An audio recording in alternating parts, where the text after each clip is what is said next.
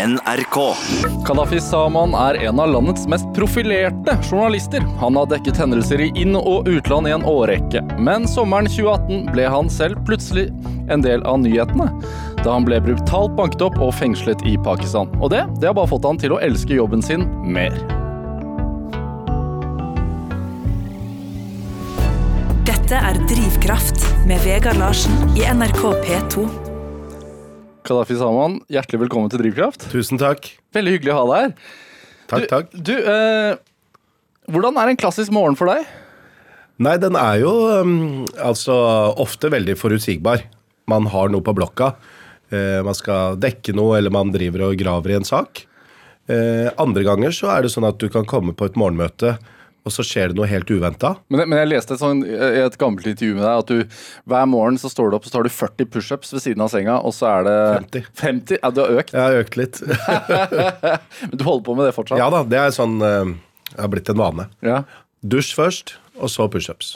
I den rekkefølgen. Ja, ok. Ikke motsatt.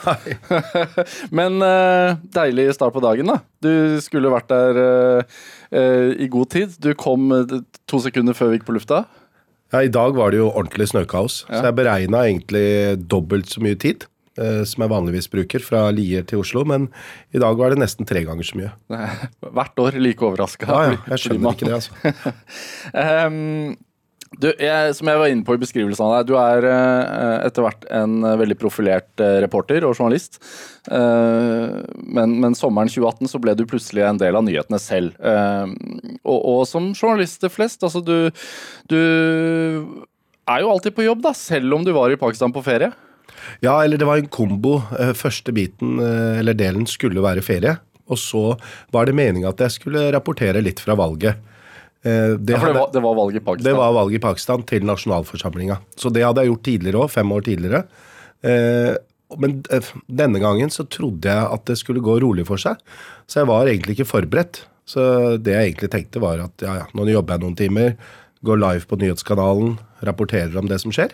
Og så er det liksom en lugn kveld. Men du hadde ikke med deg noe kamerateam og sånn, eller? Ikke kamerateam, men jeg hadde fått opplæring i hvordan jeg skulle gå live sjøl. Så jeg hadde kamera, selfiestang, stativ, eh, også mikrofon. Eh, så alt var også en avtale med nyhetskanalen om at nå eh, er jeg live klokka ett pakistansk tid. Eh, mens da, rett før, så smeller det jo skikkelig. Og jeg var ikke forberedt i det hele tatt. Jeg hadde Hva var det som skjedde da? Nei, det som skjedde var at eh, det var et politisk parti, det største partiet. De hadde havna i unåde hos militær- og etterretningstjenesten. Så det de sa, var at eh, denne, eller mønstringene til dette partiet, skal ikke noe presse dekke. Og pakistansk presse fulgte jo dette. En blackout, som ofte skjer. Eh, de ville ikke at det partiet skulle vinne valget, rett og slett. Og da er det jo litt sånn ekstra viktig at man som pressemann eh, dekker det som noen stater ikke vil vi skal dekke. Men jeg visste jo ikke at dette skulle bli voldelig. Ja, fordi du, du tenkte det, dette må jeg jo dekke da. Ja, jeg må dekke det, og eh, det er eh, på en måte en stor hendelse. Det er et viktig land, det er en atommakt. Eh, Men det som skjer, er at situasjonen eskalerer. Det er da du kan si politiske aktivister fra dette partiet som går ut i gatene, som møter motstand. Først er det verbalt, og så begynner de med vold, altså politiet. Stokkeslag mot politikerne. Ja, For det er en demonstrasjon? Det er en demonstrasjon og massemønstring over hele landet fra dette partiet. Så det stedet jeg var på, der eskalerte det, eh, akkurat som mange andre steder. Folk fikk juling. Dette filma jeg jo. Eh, Jeg hadde med meg mm, tre mobiler. Skifta litt SIM-kort i tilfelle de skulle ta den ene mobilen. Jeg var litt forberedt, men ikke sånn at eh, Jeg hadde ikke med meg hjelm og vest og trodde ikke at dette skulle At jeg skulle ende på celle, da. Det hadde jeg nok ikke trodd. Men det som skjer til slutt, er at eh, jeg også da eh, får juling. Hvor, i Pakistan var dette? Dette er på grensa til India, eh, du kan si i Punjab, provinsen, og i distriktet Gujarat. Så det er ja, tre timer fra hovedstaden. Er det, var, det et område du var kjent med fra før? Veldig godt kjent, og foreldrene mine kom derfra på 70-tallet. Eh, kjenner eh, politikere der, politifolk, har vært der masse. Så det å ha på seg hjelm og sånn, det, det hadde sett litt teit ut òg. I hvert fall når alle andre gikk rundt i vanlige klær. Ja. Eh, men det jeg ikke på en måte skjønte med en gang, var jo at pakistansk presse var totalt fraværende. Så de fulgte oppfordringen, eller egentlig ordren, om å ikke dekke dette. Så de holdt seg unna. Mens jeg surra rundt da med kamera og intervjua folk. Eh, lasta opp videoer på Twitter eh, hvor jeg kritiserte det som skjedde. Sånn i ettertid var kanskje ikke det så smart. Det kunne jeg jo venta med. Eh, men eh, ja, ja, gjort er gjort. Og da, det endte iallfall med masse slag. Og jeg har jo arr på ryggen fortsatt, og jeg havna på en celle. Men, men, men var det sånn at du For jeg forstår det sånn at du ble, faktisk ble Altså, du ble jaktet på? Altså, du ble Ja, alle, alle ble jakta på. Ja. Eh, Jeg skilte meg nok litt ut fordi jeg hadde vestlige klær, mens de andre gikk med pakistanske klær. Eh, hadde en liten ryggsekk òg. Men jeg viste fram pressekortet, men det hjalp ikke. Altså, så Noen ganger har jeg tenkt at dette var målretta. At det var for å gi meg en lærepenge. Eh, andre ganger så har jeg tenkt at ja, ja, jeg var en del av altså bunchen, på en måte. Eh, så de, de tok meg i samme slengen. Så der har jeg ikke helt eh, landa. Men det er jo klart at Pakistan er et land hvor de, er, de har vanligvis god kontroll. Det er mye etterretning, mye sivil etterretning. De veit hvem som er hvem.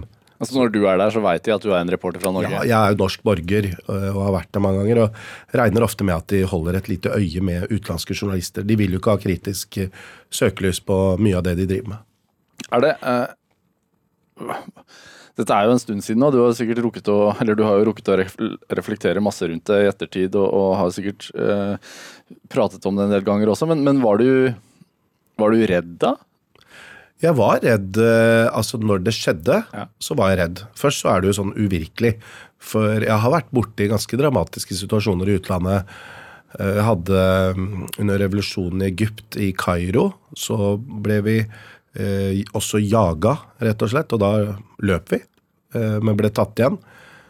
Og trodde på et eller annet tidspunkt nok at eh, nå skulle jeg ryke. Altså nå, nå dør du. Da var jeg kjemperedd. Og vi har hatt noen episoder i mm, også under kuppforsøket i Tyrkia for noen år siden, hvor jeg og fotografen ble slått.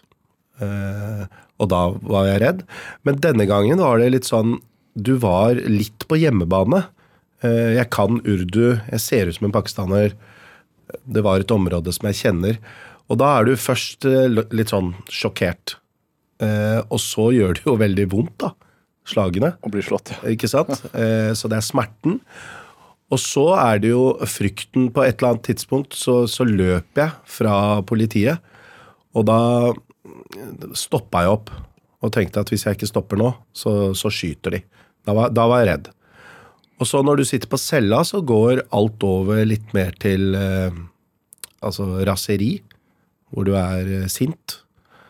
Fordi at du eh, blir frarøvet frihet? Ja, altså først at de tar opptakene dine, ikke sant? de tar mobilen Det din. det Det, også var jo ganske ja.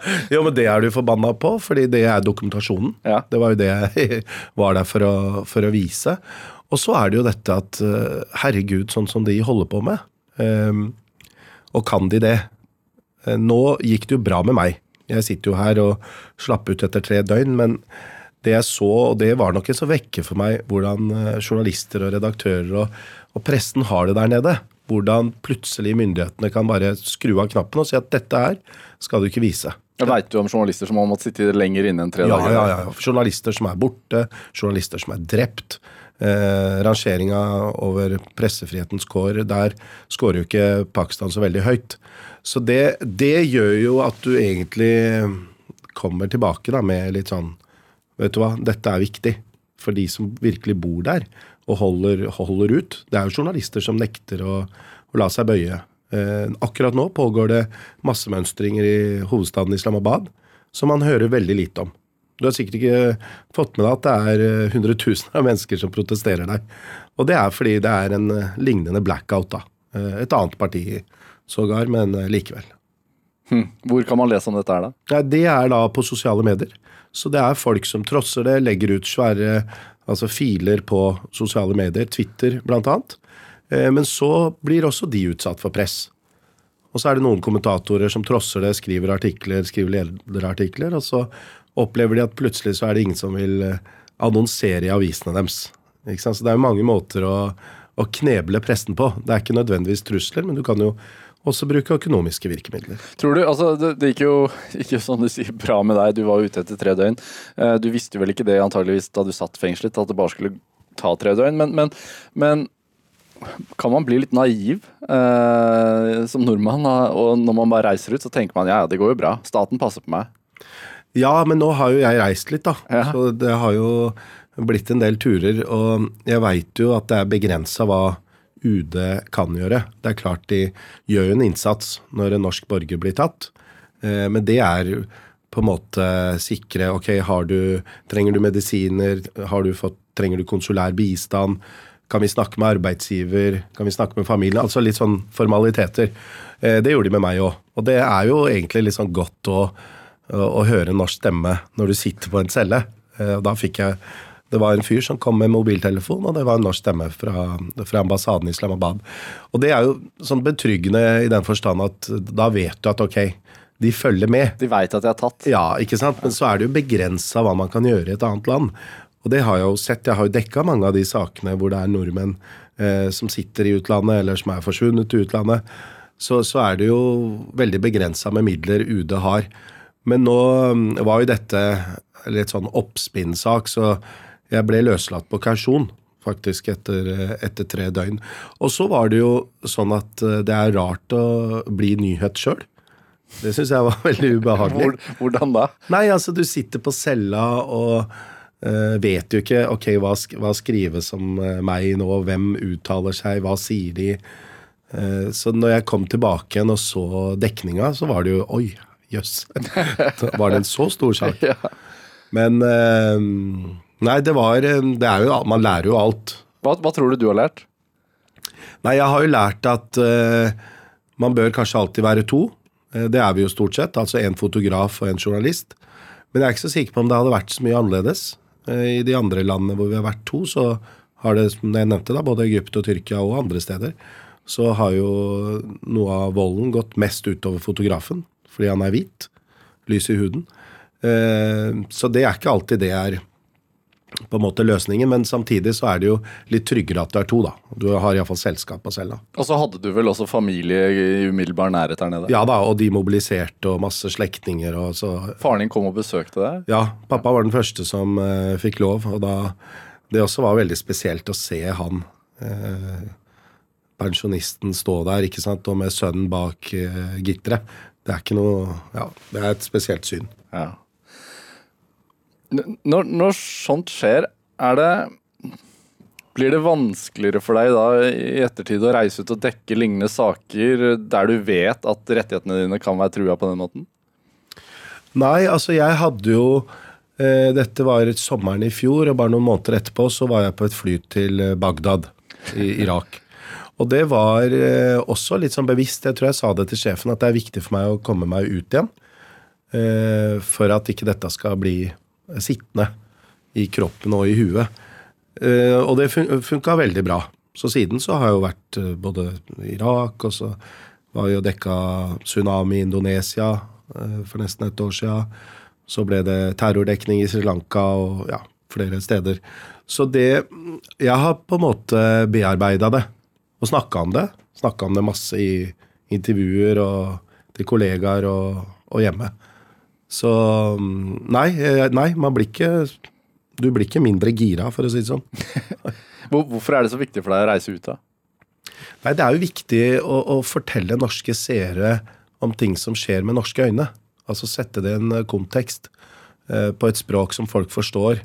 Det er klart at man har jo utenlandske kanaler, og de er ofte raskere på plass. Men hvis vi skal følge med i verden, så må vi jo ha folk som forteller det på norsk. Og det, det er jo jobben. Dette er Drivkraft med Vegard Larsen i NRK P2. Og i dag så har vi journalist og reporter i TV 2, Kadafi Saman, her hos meg. Du er født og oppvokst i Tranby? Yes. Utafor Drammen? Lier. Er det, er det i Tranby eller på Tranby? På Tranby, tror jeg det er. I Tranby, Lier. Nei, på Tranby, Lier. Ja? ja. Jo, jeg tror det. Ja. um, begge foreldra dine er fra Pakistan. Hvorfor flytta de til Norge i utgangspunktet? Altså, pappa kom fra uh, Punjab Uh, og fra en landsby, men hadde mm, gått på skole i storbyen. Studerte statsvitenskap. Bestefar var en sånn passe stor jordeier, så han hadde råd til å sende begge sønnene sine på skolen og universitetet. Og dette var da slutten av 60-tallet, så var det ikke noe jobb å få for statsviteren. Mens broren, som var ingeniør, fikk jobb med en gang. Så han dreiv dank eh, et par år, og ville jo ikke bo i landsbyen.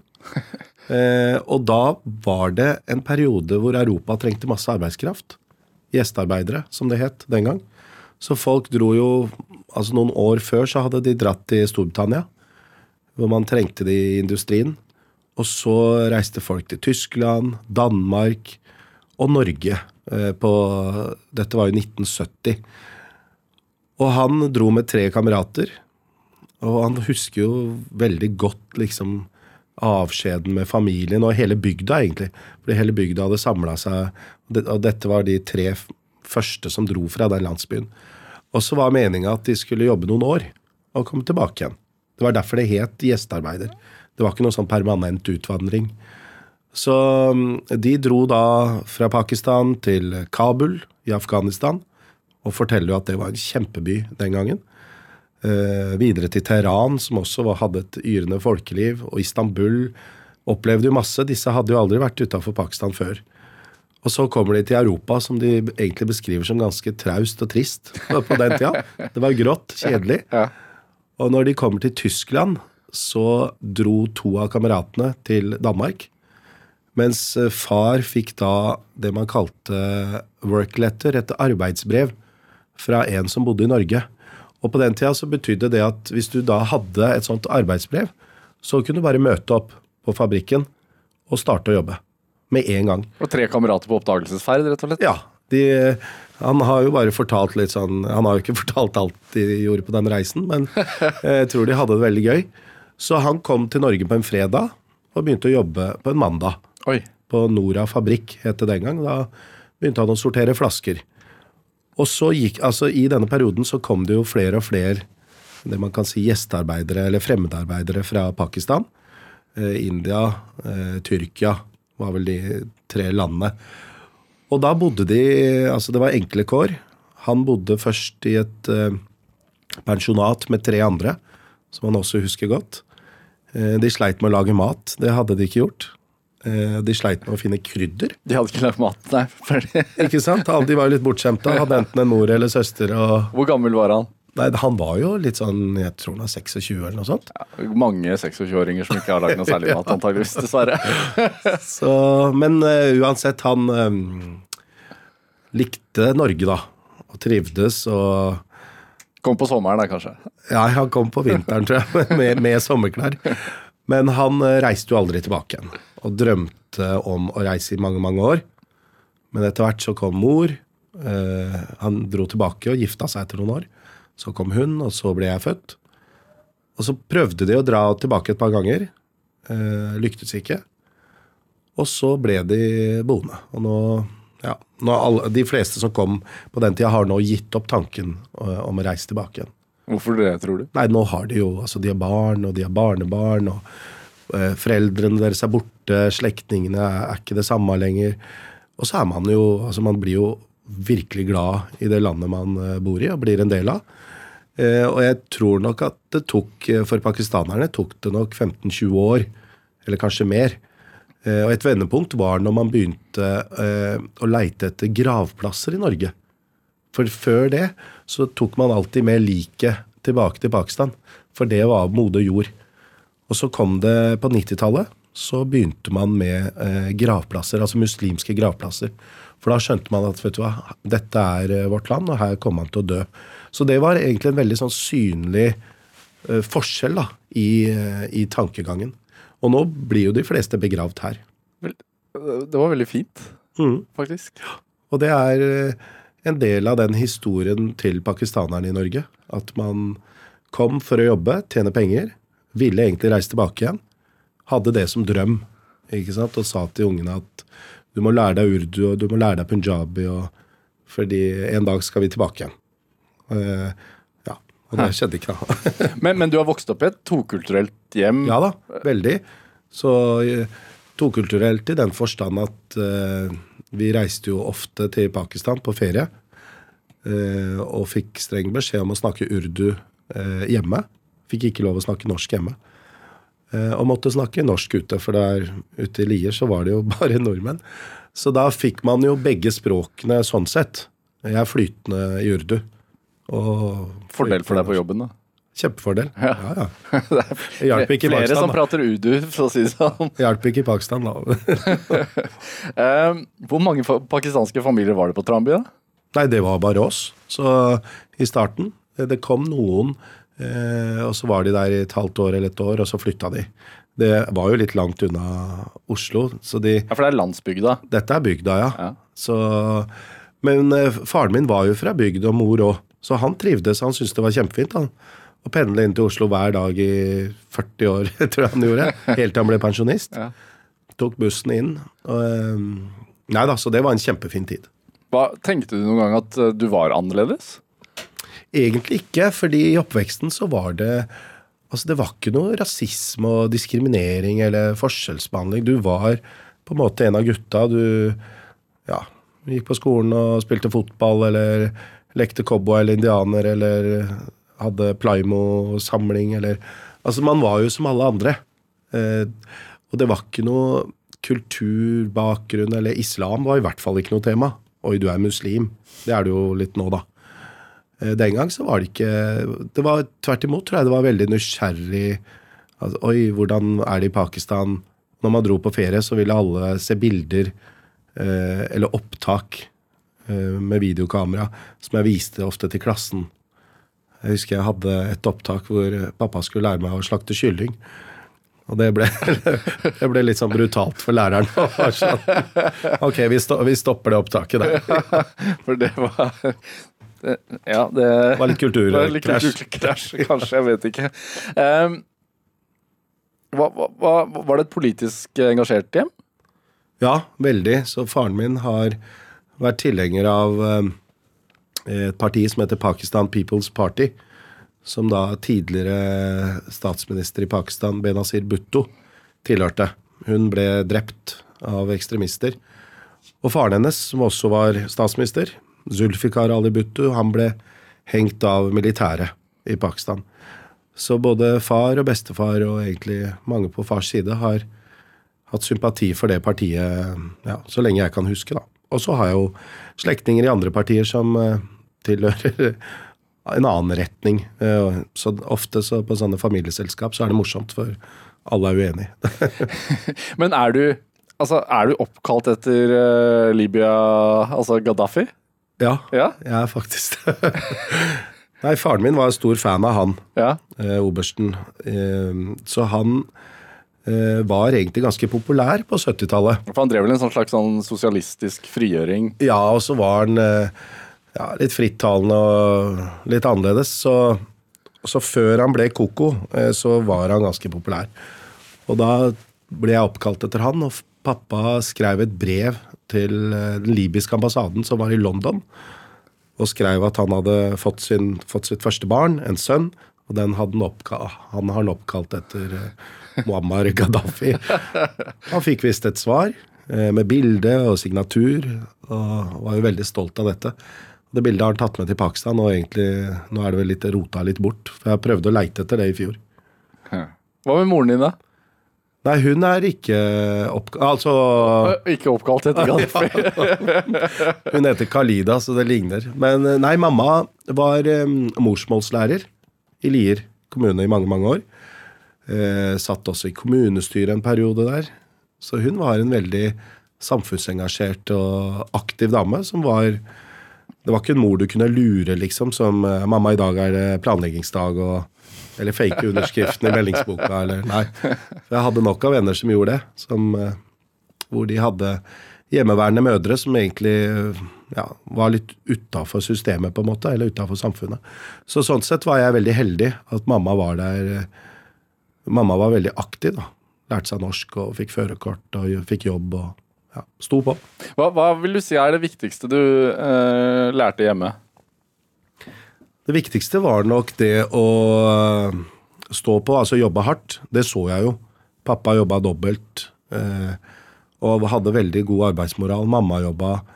Eh, det andre var også det å Altså, du må, ikke, du må ikke tåle dritt, på en måte. Eller hvis noen sier et eller annet, eller så må du si det tilbake. Ta igjen, liksom? Ta igjen.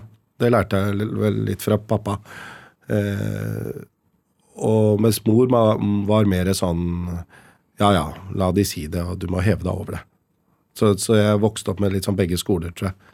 Både hev deg litt over og ta litt igjen. Hva Har du tatt det noen gang? Ja da, det har vært noen sånne episoder. Dette er Drivkraft med Vegard Larsen i NRK P2. Og i dag så har vi reporter i TV 2, Kadafi Saman, her hos meg i NRK P2. Du, du sier jo at eh, du er fra et eh, politisk engasjert hjem, og, og du skulle bli ingeniør, veit jeg. Eh, men så ble du plutselig valgt inn i Arbeiderpartiet i Li kommune. Ja, det var, det var litt sånn overraskende, fordi jeg tror jeg hadde deltatt på noe sånn ungdomsklubbsarrangement. Eh, og da var det en dame som hadde hørt meg, som ringte og spurte om jeg ville stå på lista til Arbeiderpartiet. Eh, og jeg visste jo helt seriøst ikke hva kommunestyret var. Hvor gammel var du da? Nei, da var jeg en early Nei, det var, jeg var vel under 20. Eh, dette var jo 90 et eller annet. Ja, det er lenge siden. Ja. Men, men jeg syntes jo det var kult å bli spurt, så jeg sa ja. Ja, ja. Eh, og kan vi også sette opp moren din sitt navn? Og de ringte henne, og hun sa ja. Og så tenkte jeg ikke noe mer på dette. Hvorfor ble du ringt, tror du? Nei, jeg, jeg, Vi sto jo på altså, siste og nest siste plass. Så da så lista så vel litt mer eh, fargerik ut, holdt jeg på å si. Eh, det var nok ikke vårt engasjement. Men det som skjedde, var jo at eh, plutselig ringte lokalavisa, Drammens Tidende, når valget var over, dagen etterpå, så sier journalisten at gratulerer, du er den første med innvandrerbakgrunn som er valgt inn i Lier kommunestyre. Du er historisk. Og, og moren din er blitt vararepresentant. Og det viste seg at vi hadde jo fått vel vanvittig mye kumuleringer. Masse mennesker som hadde satt kryss ved siden av navnet da, og løfta oss opp fra bunnplassering og inn i kommunestyret. Ja, Hadde du drevet valgkamp? Nei, ikke i det hele tatt. Jeg hadde jo ikke peiling på, på hva et kommunestyre var. Så, men det var en vanvittig tillitserklæring. Eh, hvor man Da føler du deg veldig inkludert og skjønner at oi, her er det jo helt ukjente mennesker eh, som har satt kryss. Fordi kanskje det er foreldre til barn du har gått i skole med, eller de du ja, gjennom oppveksten har blitt kjent med, da. Og ukjente. For det var mange, mange kryss. Og det ga mersmak. Det var jo interessant å, å lære hva et kommunestyre driver med. Ja, Var det sånn da at du, du tenkte sånn da da får jeg gå og skaffe meg et slips da, og gå på jobben? Ja da, jeg måtte jo lære å liksom gå på talerstolen og og du ikke sant, setter deg inn i skolepolitikk, og ja, skal kommunen lage en ny golfbane eller ikke, og masse sånt som jeg, jeg ikke hadde peiling på. Men, men følte du at du kunne stå for Arbeiderpartiet sin- politikk, da? Altså Hvis du var litt ukjent med det? Ja, altså den gang så Eller man blir jo satt inn i det, ja. ikke sant. Så du ble jo skolert, og så var du jo på masse møter og, og sånt. Men etter hvert så valgte jo jeg journalistikken. Ja. Og da måtte jeg melde meg ut, og ja, jeg kunne ikke være aktiv da. Du, du skrev en bok også, Ja, oppi dette her, som, som ikke jeg visste om uh, før, eh, før vi booket deg inn til dette programmet. Altså Norge i svart, hvitt og brunt. ja, Uh, hvor du ser Norge med blikket til en mann med fremmedkulturell kulturell bakgrunn. Mm. Så du var jo engasjert. Jeg ble engasjert. Jeg var ikke det. Så da jeg ble valgt inn i kommunestyret, så ble jeg jo engasjert. Og begynte å skrive en spalte i Drammens Tidende som het Tanker i tiden, om alt mulig rart. Eh, Det var en redaktør som eh, ringte og spurte om jeg kunne gjøre det. Og mens jeg holdt på med det, og lokalpolitikken, så holdt jeg eh, en innledning ved landsmøtet til Arbeiderpartiet. Og der er det litt sånn tilbake til eller dette med lille Norge, da. Som er alle kjenner alle, eller Det som skjedde etter den innledningen, var at det var en journalist i VG som lagde en sak på den talen. Eh, og så Hva snakket du om der, husker du? Nei, jeg, jeg refsa Arbeiderpartiet for at det ikke var eh, nok eh, inkluderende et eller annet. Det tror jeg det var noe sånt. Og overskriften var nok 'refser sine egne'. Sånn, bra tabloid vinkel. Og så, dagen etter, så var det en herremann som ringte og sa at 'hei, du, jeg har lest artikkelen i VG', og journalisten er for øvrig min datter'. Og jeg har veldig lyst til å ta en kaffe med deg og diskutere bokprosjekt. Og det var bare Oi! Det var stort. Så jeg dro og møtte eh, denne forleggeren eh, fra Aschehoug. Fantastisk fyr. Som da begynte å snakke om litt av det vi snakker om. Altså oppveksten i Lier. Hvordan var det? Hvordan kom dine foreldre? Hvordan er det? Og jeg fortalte som det var, at det var eh, kjempebra eh, oppvekst uten rasisme. Og han kom inn på temaet med bøker. ok, 'Har du lest den boka?' Har du lest den boka? Og, og skjønte jo kjapt at jeg ikke hadde lest så mye bøker. Og spurte har dere ikke, har dere ikke hatt bøker hjemme. Så sa jeg vet du hva, det skal jeg være ærlig på at det har vi ikke. Fordi mamma og pappa jobba, de, de kunne ikke så godt norsk. Og hadde ikke råd til å kjøpe bøker. Det var på en måte litt sånn luksus. Men eh, jeg vokste opp med ettbindsleksikon fra Aschehoug. Eh, som en eh, venn av pappa som vaska eh, på Aschehoug, eh, hadde stjålet. Han stjal litt bøker på natta. Leksikon, Jeg er forelda det nå, da. leksikon, ja, jeg er forelda. Leksikon og atlas. Og så ga han det til venner som ikke hadde bøker. Så han gjorde det på en måte Det var en god gjerning. Og så sier forleggeren, vet du hva, du må skrive bok for meg. Og sånn kom den eh, boka i stand, og et år seinere så ble den trykt. Forleggeren heter Andreas Skartveit. Ja. Det er pappaen til politiske redaktøren i, i VG. I VG. Ja. Tilfeldigheter. Tilfeldigheter. Det virker som det det er litt sånn tilfeldigheter, da. Plutselig så er du valgt inn for Arbeiderpartiet. Ja, ja. Plutselig skriver du bok. Ja, det har vært eh, mye av det i livet. Men, men eh, hvorfor valgte du journalistikken, da? Nei, I denne prosessen med da samfunnsengasjement, spesielt skrivinga, både den spalta i Drammens Tidende og boka, så skjønte jeg at vet du hva, jeg har lyst til å bli journalist. Eh, Så jeg søkte på journalistutdanninga og kom inn. Og da hadde jeg jo sysla med dette noen år og likte å skrive. Jeg ville jobbe i avis. Så jeg begynte, eller mens jeg studerte journalistikk, så fikk jeg praksisplass i Stavanger Aftenblad og jobba der. Jeg dekka to små kommuner, Sola og Randaberg. Eh, Fantastiske kommune. Skrev om skolekorps og bønder som hadde produsert store grønnsaker, holdt jeg på å si, og alt mulig sånt. Og havna etter hvert uh, i VG, hvor jeg jobba noen år. Minna om Tranby, da, kanskje? Hæ? Det minna om Det minna veldig om Tranby. Sola og Randaberg var som Lier, så da var jeg på hjemmebane. Ja. Uh, og så havna jeg i VG, hvor jeg begynte å jobbe mer med krimjournalistikk. Uh, og så kom jeg til TV 2, hvor jeg har vært nå i 14 år, er det vel snart. Uff a meg. Ja. Tida går. Tida går, ja. Men du savner ikke å mene det? Altså, du, du som politiker, ung politiker, altså du var jo da en mann for fremtiden for Arbeiderpartiet, tydeligvis, siden de, du ble valgt inn fort, og de hadde jo troa på det. Du refsa dine egne, til og med. Altså, Mm. ja, ja. Du, du, Spørs hvor smart det var, da. du fikk bokkontrakt, da. Altså, du, du, der hadde du jo en, evne, altså en mulighet til å påvirke og mene ting. Du har ikke savnet det i journalistikken? Nei, da? ikke i det hele tatt. Eh, jeg syns eh, Altså, journalistikken da Nei, jeg savner ikke det å mene. Jeg har heller lyst til å vise folk hva som skjer, og beskrive det og sette det i en kontekst. Hvorfor er det så viktig, da? Nei, jeg tror vi trenger det, i hvert fall i en tid som nå, hvor man får så mye input og på sosiale medier og på Facebook og overalt. Det er viktigere enn noen gang, tror jeg, at man har seriøse redaktørstyrte medier som forklarer ting ordentlig. Hva som er sant, hva som ikke er sant. Fake news. Og jeg merker jo det sjøl i debatter med kompiser, hvor folk eh, enten har blitt lurt eller tror på ting som er rein propaganda eller rein løgn. Det er jo også en motivasjon. Eh, viktig i den tiden vi lever i nå. Spesielt for de unge. Eh, allerede egentlig fra barnehage, skolealder.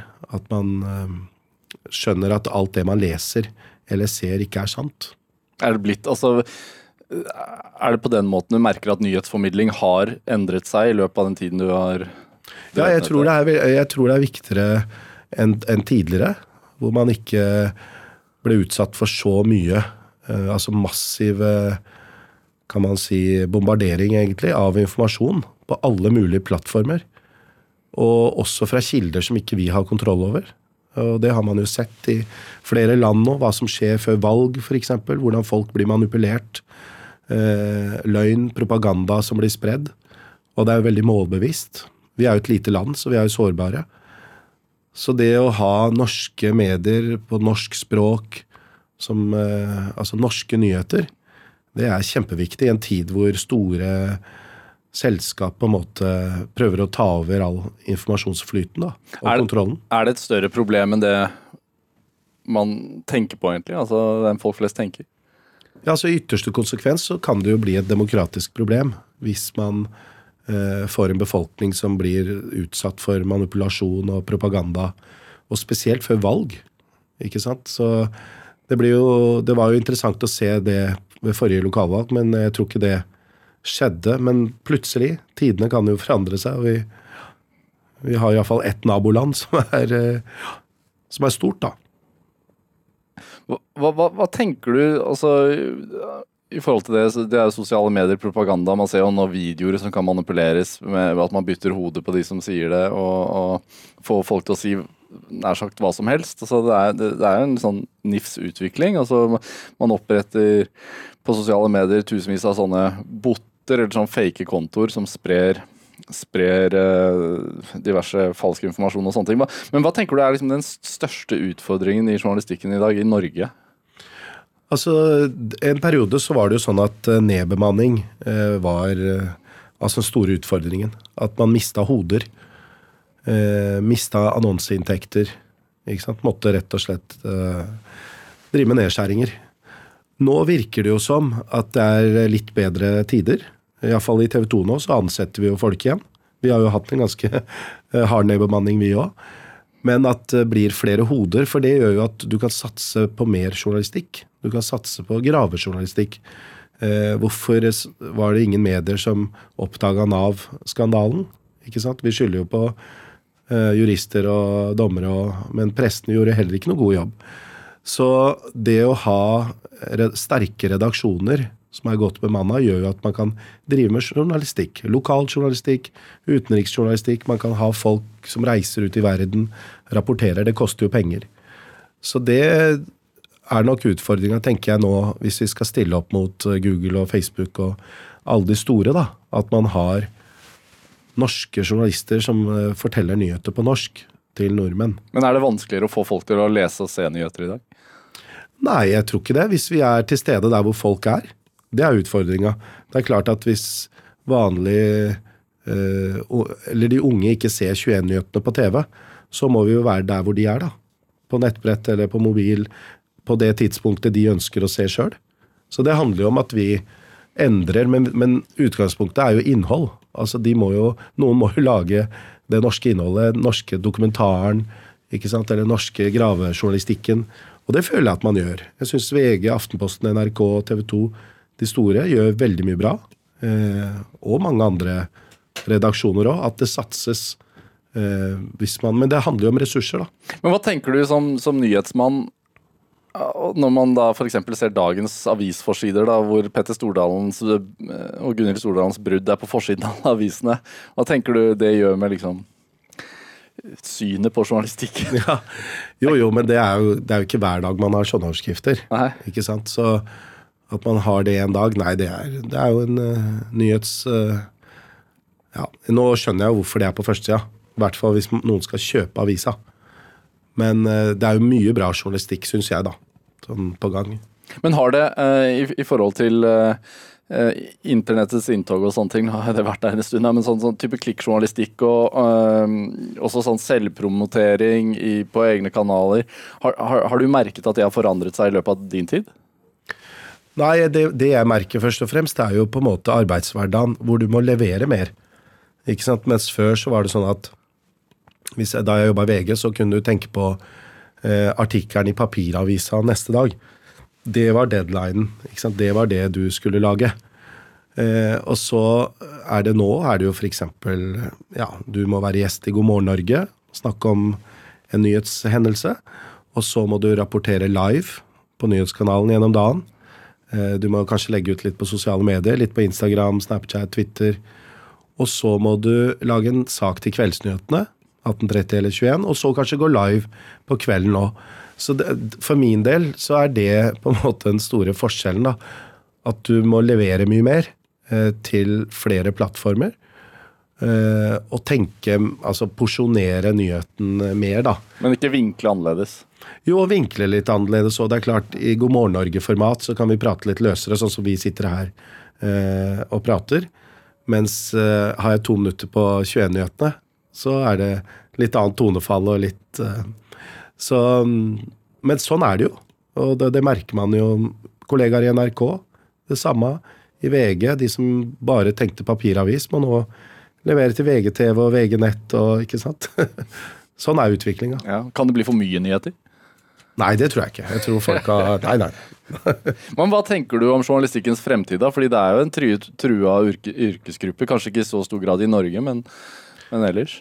Nei, jeg tror det går eh, bra, jeg. Altså, nå ser man jo f.eks. Åsted Norge har vært et program med mer enn 700 000 seere. Det er jo journalistikk. Eh, og du har Vårt lille land på TV 2. Du har jo NRK-dokumentarer. Brennpunkt. Folk ser jo